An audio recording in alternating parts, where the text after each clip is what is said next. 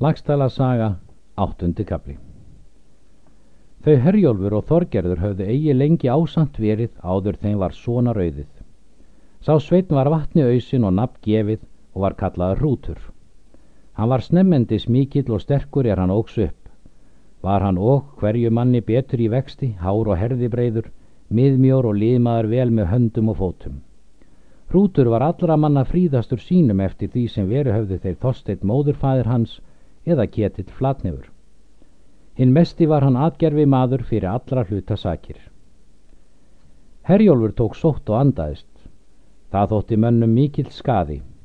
Eftir það fýstist Þorgerðu til Íslands og vildi vitja höskuldssonar síns því að hún unnu honum um alla menn fram en Rútur var eftir með frændum sínum vel settur. Þorgerður bjóferð sína til Íslands og sækir heim Höskuldsson sinn í Laxárdal. Hann tók sæmila við móður sinni, átti hún auð fjár og var með Höskuldi til dauða dags. Nokkurum vetrum síðar tók Þorgerður banasótt og andaðist og var hún í haug sett, en Höskuldur tók fjö allt en Rútur bróður hans átti hálft.